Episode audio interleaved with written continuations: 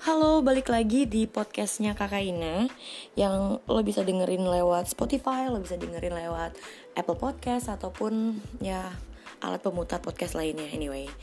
Dan kali ini gue akan ngebahas topik bukan horor Karena gue kayaknya akan berhenti cerita horor.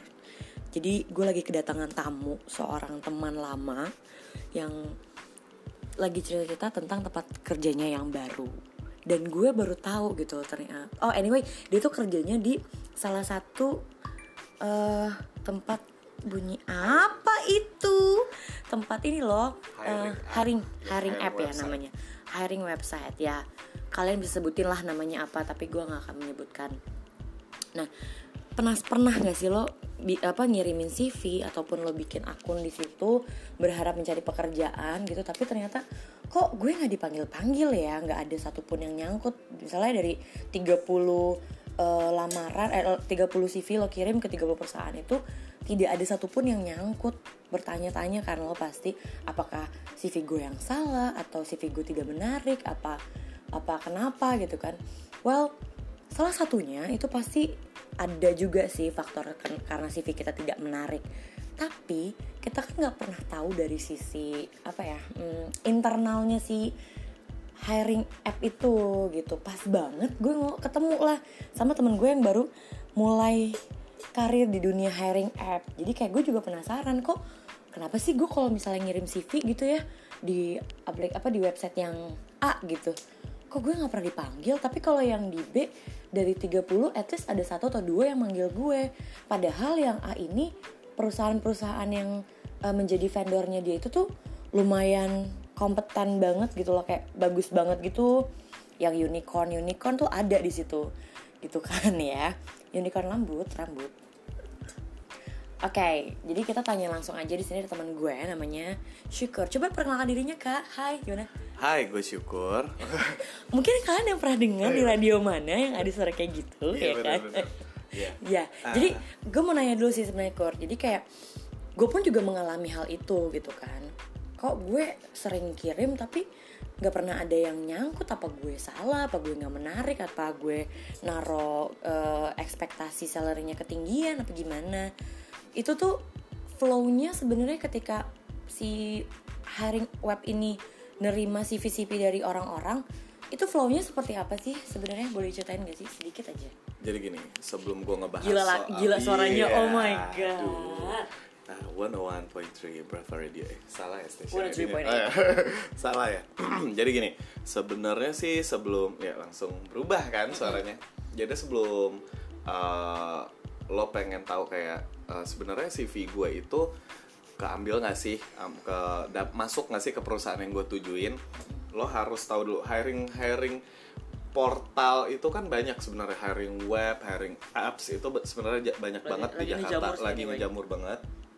Uh, dan lo harus tahu dulu kayak sebenarnya level pekerjaan yang gue pengen dapat ini ada di mana sih? Karena setiap web port uh, hiring portal itu punya karakter masing-masing juga. Ada segmentasinya Ada ya. segmentasinya juga. Oh, aku bertahu. Nah, jadi misalnya uh, gua ambil contoh yang udah famous banget mungkin kayak si uh, si Sam Street.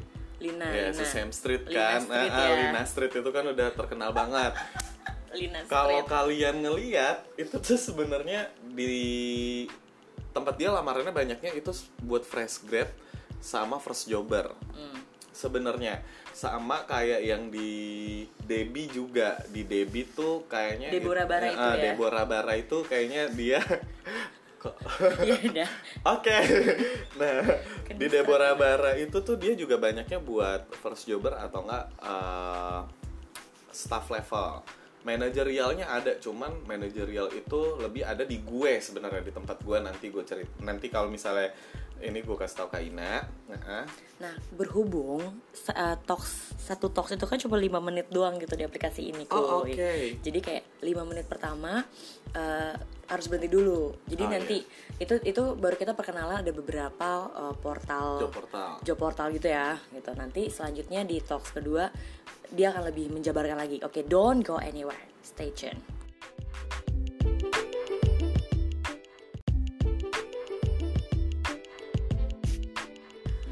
okay, kita balik lagi sama syukur dari uh, hiring portal apa ya X lah misalnya. Oke lanjut. Tadi itu kita kan baru memperkenalkan bahwa ternyata hiring portal itu tuh punya segmentasi gitu uh, berdasarkan uh, apa sih karir level kita ya. Apakah kita tuh fresh graduate apakah kita literally first jobber atau emang udah di staff level gitu kan. Dan selanjutnya CV-CV yang kita kirimkan itu tuh akan diolahnya flownya tuh kayak apa? Kan kita nggak pernah tahu kan. Cuman kayak kita kirim terus berdoa gitu ya soal tahajud ya nggak sih? Keterima apa enggak nih dipanggil apa enggak nih? Nah itu tuh sebenarnya kayak gimana sih kak? Uh, flownya coba boleh dilanjutin nggak? Jadi gini uh, kalau di tempat gue itu ada nama divisinya itu adalah caller. Nah caller inilah yang ketika si pembuat account di tempat gue nge-apply ke perusahaan A Nah, mereka yang akan nge-review dulu. Makanya terkadang mungkin kalau lo di telepon uh, itu nomornya bisa kayak apa Greater Jakarta lah gitu. Nah, kayak aduh kok Greater Jakarta ya yang nelpon gue. Bisa jadi itu dari caller tempat gue. Karena mereka uh, ntar kalau sales gue pada berhasil dapetin package buat placement dari si A, perusahaan A, ya? uh, perusahaan A itu caller gue dulu yang seleksi. Cocok gak sih sama kualifikasi dari si perusahaan yang nyari si hire uh, si karyawan ini. karyawan ini gitu nah tapi bagusnya tempat gue adalah uh, kayak lo tuh udah pasti ditelepon deh hmm. karena uh, dari banyaknya yang uh, klien yang masang buat hiring di kita ketika lo uh, gimana ya ketika ketika uh, kita ngelihat CV lo kayak oh nggak sesuai nih sama si caller satu dia akan nge info uh, color 3 kayaknya cocok nih buat di perusahaan yang lagi lo pegang. Go oper ya CV-nya ke lo. Oh berarti nah, tiap color itu megang perusahaan yang beda-beda. Bener banget okay. kak Ina. Nah udah gitu uh, makanya that's why kak pasti lo pernah ngerasain kayak gini. Kok gue nggak pernah nge-apply ke perusahaan si A? Tiba-tiba gue ditelepon buat ini ya interview di perusahaan si A. Nah gitu. Jadi kalau dilempar. dilempar. Jadi kalau di tempat gue sebisa mungkin ya? Ember sebisa mungkin uh, orang yang punya ID dan punya account gitu pokoknya lo sebisa mungkin gimana ya bahasa yang baiknya? Kayak lo pasti tersalurkan lah untuk bekerja. Okay. gitu. Dan di perusahaan lo sendiri itu tuh sebenarnya ada berapa ratus perusahaan sih? Dan rata-rata tuh perusahaan yang kayak gimana sih? Nah gini uh, kalau berapa ratus perusahaan sebenarnya sih banyak banget. Cuman kan ada limit uh, limit kayak sehari tuh CV yang bisa nggak apply di perusahaan A itu cuma 30 orang sebenarnya yang kita terima.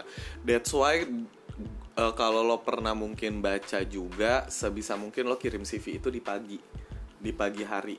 Karena siang hari atau sore hari atau malam hari itu inter interviewer ataupun caller itu tuh sebenarnya udah collecting data untuk hari berikutnya Nah, oh gitu. gitu. Sedangkan gue selalu ngirim pasti ya jam setelah pulang kantor gitu kan ya, hmm, malam bener. atau sebelum tidur bahkan. Oh gitu. Jadi ini uh, fun fact juga ya. Ternyata kita kalau misalnya mau kirim lamaran ke portal apa hiring portal ternyata waktu bagusnya yang efektif adalah di pagi hari. Di pagi hari. Prime time ya. Yes, benar prime time itu di pagi hari. 6 sampai 10. 6 sampai 9 sih sebisa mungkin. Jadi emang dari zaman dulu gue selalu ngelakuin juga kalau misalnya gue pengen ngeplay ke suatu perusahaan itu gue pagi. Mau via LinkedIn kayak uh, mau via apa kayak mau langsung ke email pribadi. Karena orang first thing they do in the morning mereka buka email mereka kan cek email yang kayak baru masuk. Bukan Enggak, yang kemarin-kemarin. aku, aku bangun tidur yang aku buka Instagram kak nggak email. Kan di kantor. Oh di kantor. Iya sama di kantor. kak di kantor juga aku buka Instagram. Enak ya kerjaannya apa saya ngeplay di tempat kakak aja nih oh gitu. Gitu.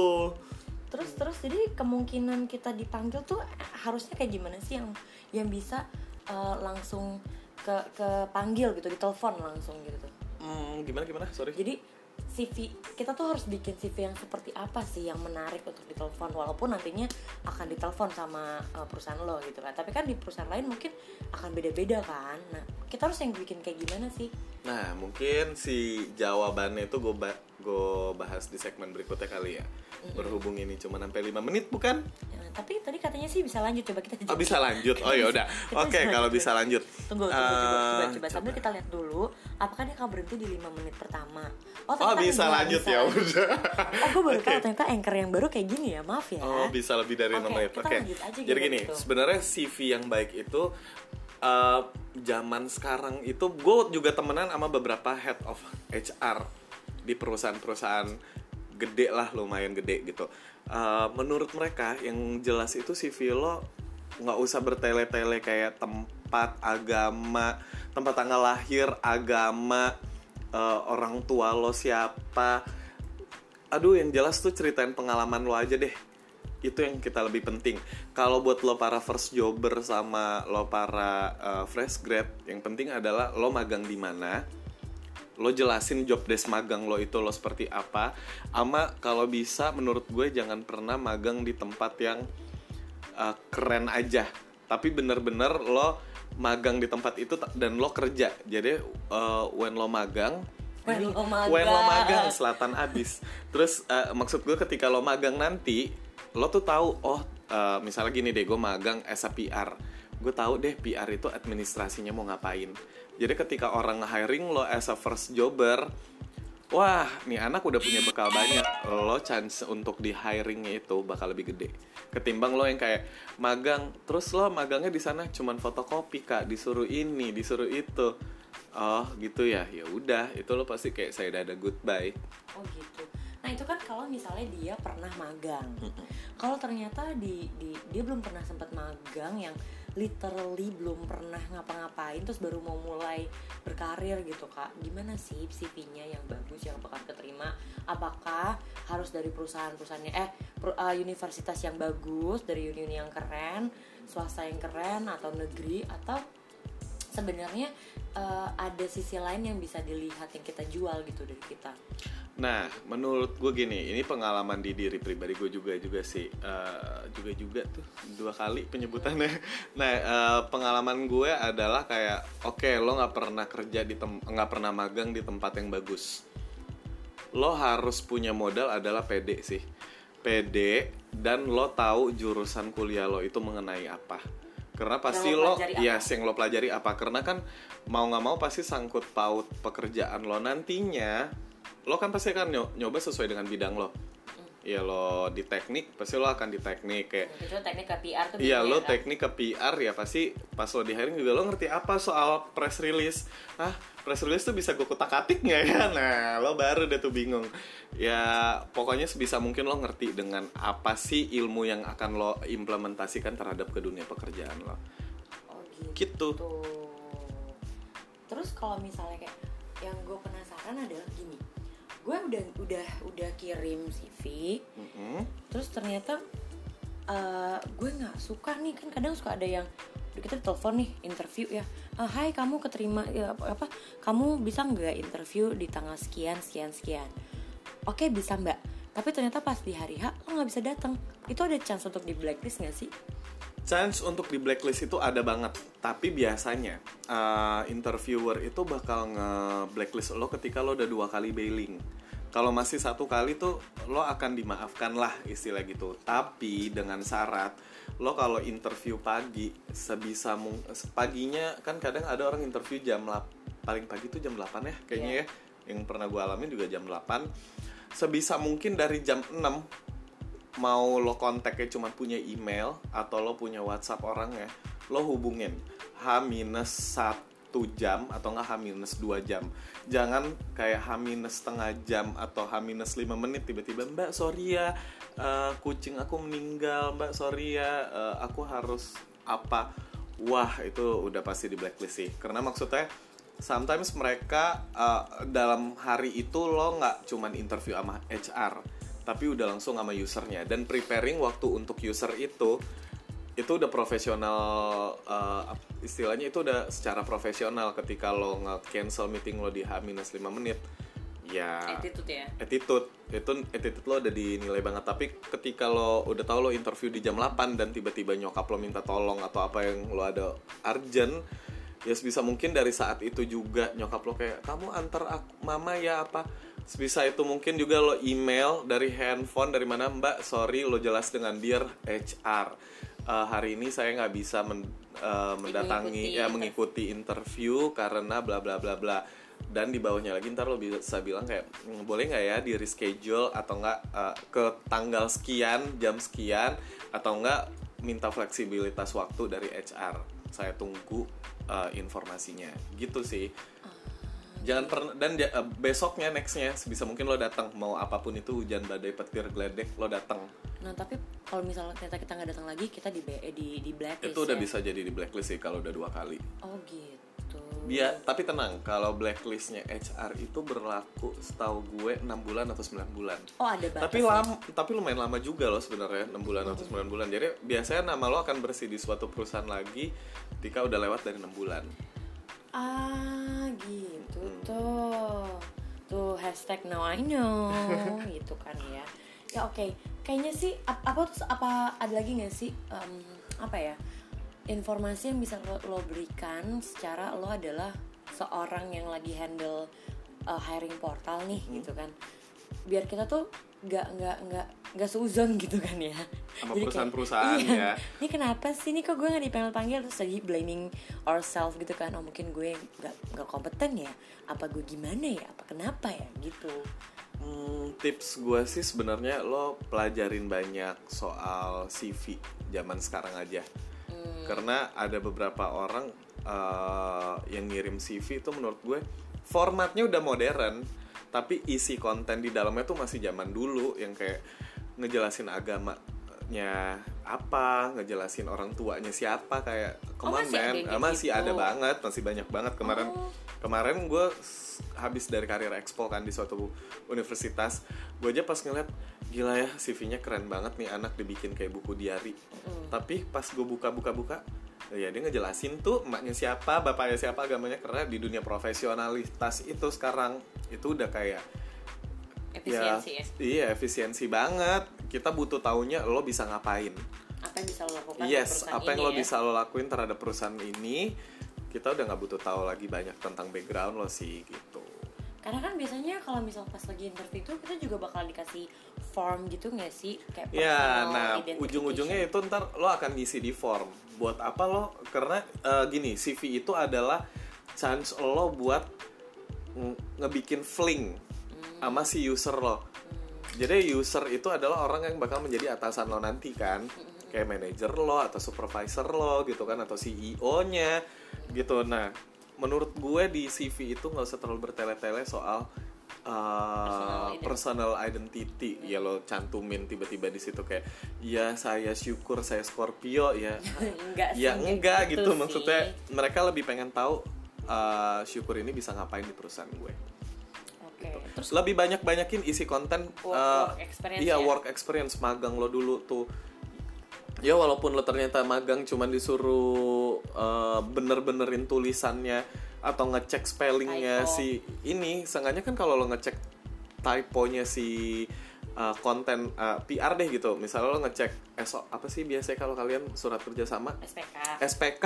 Nah, lo tahu dong SPK itu bentuknya Pembuatannya seperti kayak- apa dan isi kontennya seperti apa. Nah, karena profesional itu akan tahu, oh, dia pernah ngecek spellingnya SPK. Oke, dia tahu isi SPK seperti apa. Gue akan hiring dia. Gitu. Nah terus sebenarnya kalau kayak awards atau kayak activity activity kita dalam sebuah organi keorganisasian perlu nggak sih dicantumin di CV? Eh, kalau buat first jobber perlu, Oh, menurut gue perlu banget. Apalagi lo pernah yang kuat itu ketika lo pernah jadi wa- ketua, wakil atau enggak eh, apa ya tim Bendahara. ben- bukan bendahara sih bendahara tuh terlalu nggak penting ya menurut PR. gue ya. Eh, atau enggak ya lo pernah buat LO, Ah, LO-nya siapa? Karena LO itu kan udah pasti attitude-nya bagus. Nah, apalagi lo kayak, iya dulu gue eh, ketua sen, eh, bukan LO pada saat senat gue bikin acara gue jadi LO-nya bu menteri siapa? Gila itu sih kalau di tempat gue lo akan udah dihargain banget karena lo jadi LO itu lo udah punya attitude. lo udah punya attitude, lo udah tahu harus nangga eh, menanggulangi eh, mena, meng, apa sih namanya? Menghandle. Menghandle. Iya, gue nggak ngerti bahasa Indonesianya apa tuh. Ah. Nah, itu kayak gimana? Jadi kayak oh ya udah deh, ini anak berarti bisa belajar gitu. Oke. walaupun lo nggak lo lo yang sereceh itu tuh itu penting kok di tempat Kalau kita gitu ya. Oke. Hmm, jadi kayaknya kalau bisa gue simpulin, sebenarnya kenapa sih CV kita itu suka nggak keterima? Mungkin karena emang dari si portal hiringnya itu juga kali ya, ya kan? Karena nggak semua portal hiring punya caller ya tadi kata lo, Yes. caller yang bisa menyalurkan CV lo gitu. Ketika ketika CV masuk ke caller A, terus nggak sesuai requirement dari si perusahaannya, ya udah langsung dibuang kelar aja hidup lo gitu kan tapi mungkin ada portal hiring juga hiring portal juga yang eh, ternyata color ini eh, di color A nggak cocok. Eh gue lempar ya. Di color B nih kayaknya cocok deh sama perusahaan lo. Kayak perusahaan lo lagi butuh anak-anak yang kayak gini. Kurang lebih kayak gitu ya kak ya. Nah oke berarti eh, kita tuh cara kita tahu si portal hiring eh, apa hiring portal ini punya segmentasi seperti apa dan cocoknya untuk kita tuh dari mana ya? Nah, itu lo bisa lihat dari si uh, kan lo bukan nih aplikasinya Websitenya atau atau nggak aplikasi. websitenya gitu kan? Lo lihat aja di situ uh, dia lebih banyak hiring untuk manager atau up head of apa atau dia mereka emang cuma nyari staff yang administrasi atau apa. Kalau menurut gue kalau buat para first jobber carinya yang administrasi aja dulu. Jangan terlalu ngarep kayak wah gue di uh, ada lamaran nih buat jadi PR-nya hotel apa atau enggak PR-nya uh, perusahaan apa. Aduh, jangan ngarep dulu deh kalian better nyari experience dulu. di, di Lina Street apa di Deborah Bara apa di Eh, di Deborah Bara, di Deborah Bara Lo pasti sih kan sebenarnya. udah punya research dong sebenarnya Yes, gue udah punya. eh, Nah, kita tuh punya sebenarnya di hiring portal itu punya uh, researchnya juga semacam kayak Nielsen, semacam kayak Al- Alexa ya kalau di digital, semacam kayak Alexa. Cuman gue kemarin lupa namanya apa. Itu uh, ada kok urutannya kayak lo kalau manajerial nyarinya manajerial lo cari di sini, sini, sini. Lo kalau first level lo cari di sini, sini, sini, sini. Kebetulan kalau tempat gue ada 5 brand. Jadi setiap brand merepresentasikan segmentasinya iya bener kayaknya tempat gue 5 brand mulu hidupnya. Oh gitu. Terus kalau misal kayak gue nih yang mid level ya, mid level enaknya gue harus ke hiring portal portal yang mana? Deborah Bara ada kalau di gue itu ada nama nggak boleh gue sebut ya. Iya jangan. Ya ada Cica. namanya eh, Cica Kusoyo. Yang mana? Ya itu deh pokoknya ntar ya kita ngomongnya di belakang. Pokoknya ada di tempat gue cuman yang paling umum itu Deborah Bara.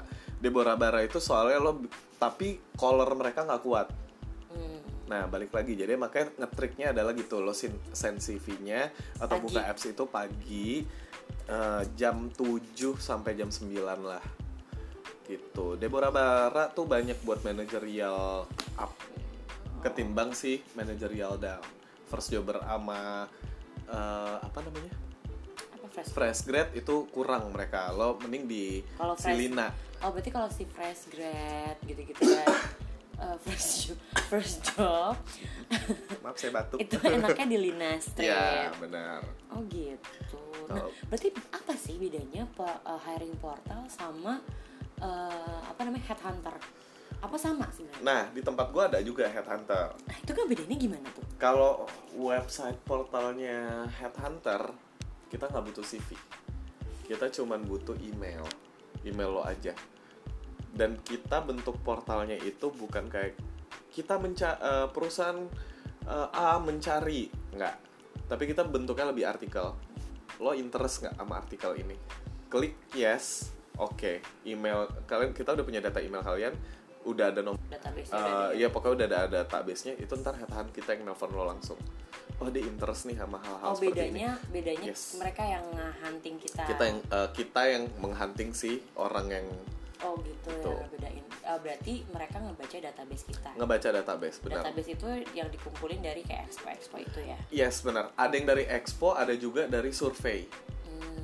karena survei itu kan terkadang eh, di hiring portal juga ada tuh survei kan kayak lo pekerjaan lo sekarang saat ini apa sih nah itu sebenarnya trik kita juga kayak buat dapetin collecting si Database. database yes Oh hashtag now I know. Iya bener Makanya kalau kalian nanti udah ada di first Ya kalian udah punya kerjaan Jangan pernah males untuk ngisi Survei. uh, survei Yang ada di web Walaupun katakan Aduh nggak penting deh Berasa kayak iklan isi aja iseng-iseng soalnya itu berhadiah terkadang.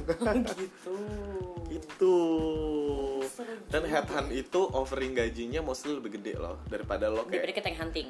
Eh, iya dari headhunter gue eh, nyari orang tuh offering gajinya kan lebih gede biasa ya. Daripada lo harus kayak eh dia lagi nyari head of marketing gue apply ah.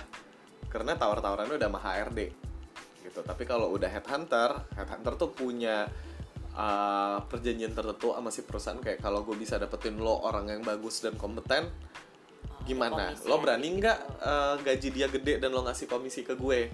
Gitu. Jadi bagusnya enaknya di mana ya? Kalau headhunter itu cocokan untuk yang mid level, staff level atau eh maksudnya apakah lebih cocok yang staff level mau ke mid level lebih better eh, ditunggu ditelepon dari headhunter lewat survei survei itu atau sebenarnya kalau misal buat fresh jobber, fresh grad gitu gitu staff ya nyarinya dari si portal hiring. Menurut gue kalau si headhunt itu udah khusus orang eh, level di at- head of atau nggak CEO karena itu mereka udah main hijack hijack kan kak. Oh gitu. kalau kita yang masih di mid mid mah ya udah berdasarkan relasi aja lah berdasarkan karena pertarungan di atas headhunter itu tuh bener-bener pas gue tahu ya? aja iya gue beberapa sama anak headhunter gue juga kayak ah serius loh ampe jadi yang di headhunt aja nih misalnya kakak Ina Kak Ina lo gue tarik ke sini dengan gaji misalnya eh, 70 juta Wah mau. lo udah keterima lo udah signing nih. Eh hari ini lo signing lo bisa aja tiba-tiba kak Inanya bilang sorry ya gue kemarin eh, semalam Gue hilaf. uh, di telepon sama si perusahaan B. Mereka nawarin gue 100 juta maaf ya gue bailing di tempat lo. Bisa. Itu headhunt karena mereka udah punya pride-nya tersendiri. Si orang-orang yang akan di hire itu udah punya pride-nya tersendiri. Gitu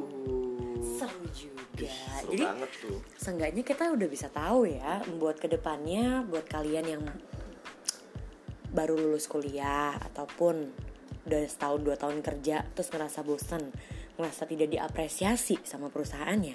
Iya mm Hmm? ya udah kirim CV-nya kalau gitu. Kirim CV-nya jam 7 sampai jam 9 pagi. Rapihin dulu tuh dibagus-bagusin ya. Eh, singkat jelas padat. Banyakin work experience-nya profiling lo kali ya uh, lebih dijelasin sih lo di experience pekerjaan lo itu lo ngapain aja Oke. Gitu yang penting. Resume tuh penting, perlu nggak sih kayak cover letter gitu? cover letter mah di body email aja Oh, body email aja, cenah tuh. soalnya yang di print sama HRD sama color itu biasanya cuma CV si, doang. CV lo aja Hmm, tuh ya. Body email isinya prof apa eh, cover letter. Attach aja langsung CV-nya karena ternyata yang dibutuhkan oleh si caller-caller di hiring portal adalah CV lo doang. Oke. Jadi habis itu setelah lo cari tahu dulu pekerjaan yang mau lo eh, lamar apa, job desk seperti apa, ya udah lo kirim. Jangan lupa berdoa ya. Berdoa tapi jangan terlalu ngarep-ngarep banget. Karena ya you know lah terlalu ngarep bikin sakit kan gitu. Jadi kayaknya gue sudahi uh, obrolan kita yang lumayan panjang ini dan tapi menurut gue seru dan butuh sih sebenarnya karena ini udah mulai akhir-akhir tahun. Mau awal tahun pasti pada pengen ganti tahun ganti eh, ganti kantor gitu ya. Ya nggak sih? Apalagi kalian yang baru lulus gitu kan ya.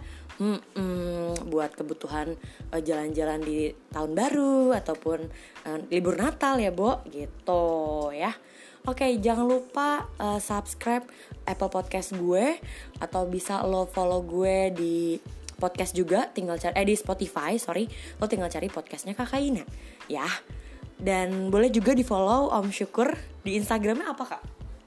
M Syukur 08 Oh gitu, oh gitu. Jadi bisa nggak kita tip CV sama kakak? Oke kalau gitu, uh, see you again di podcast selanjutnya. Bye.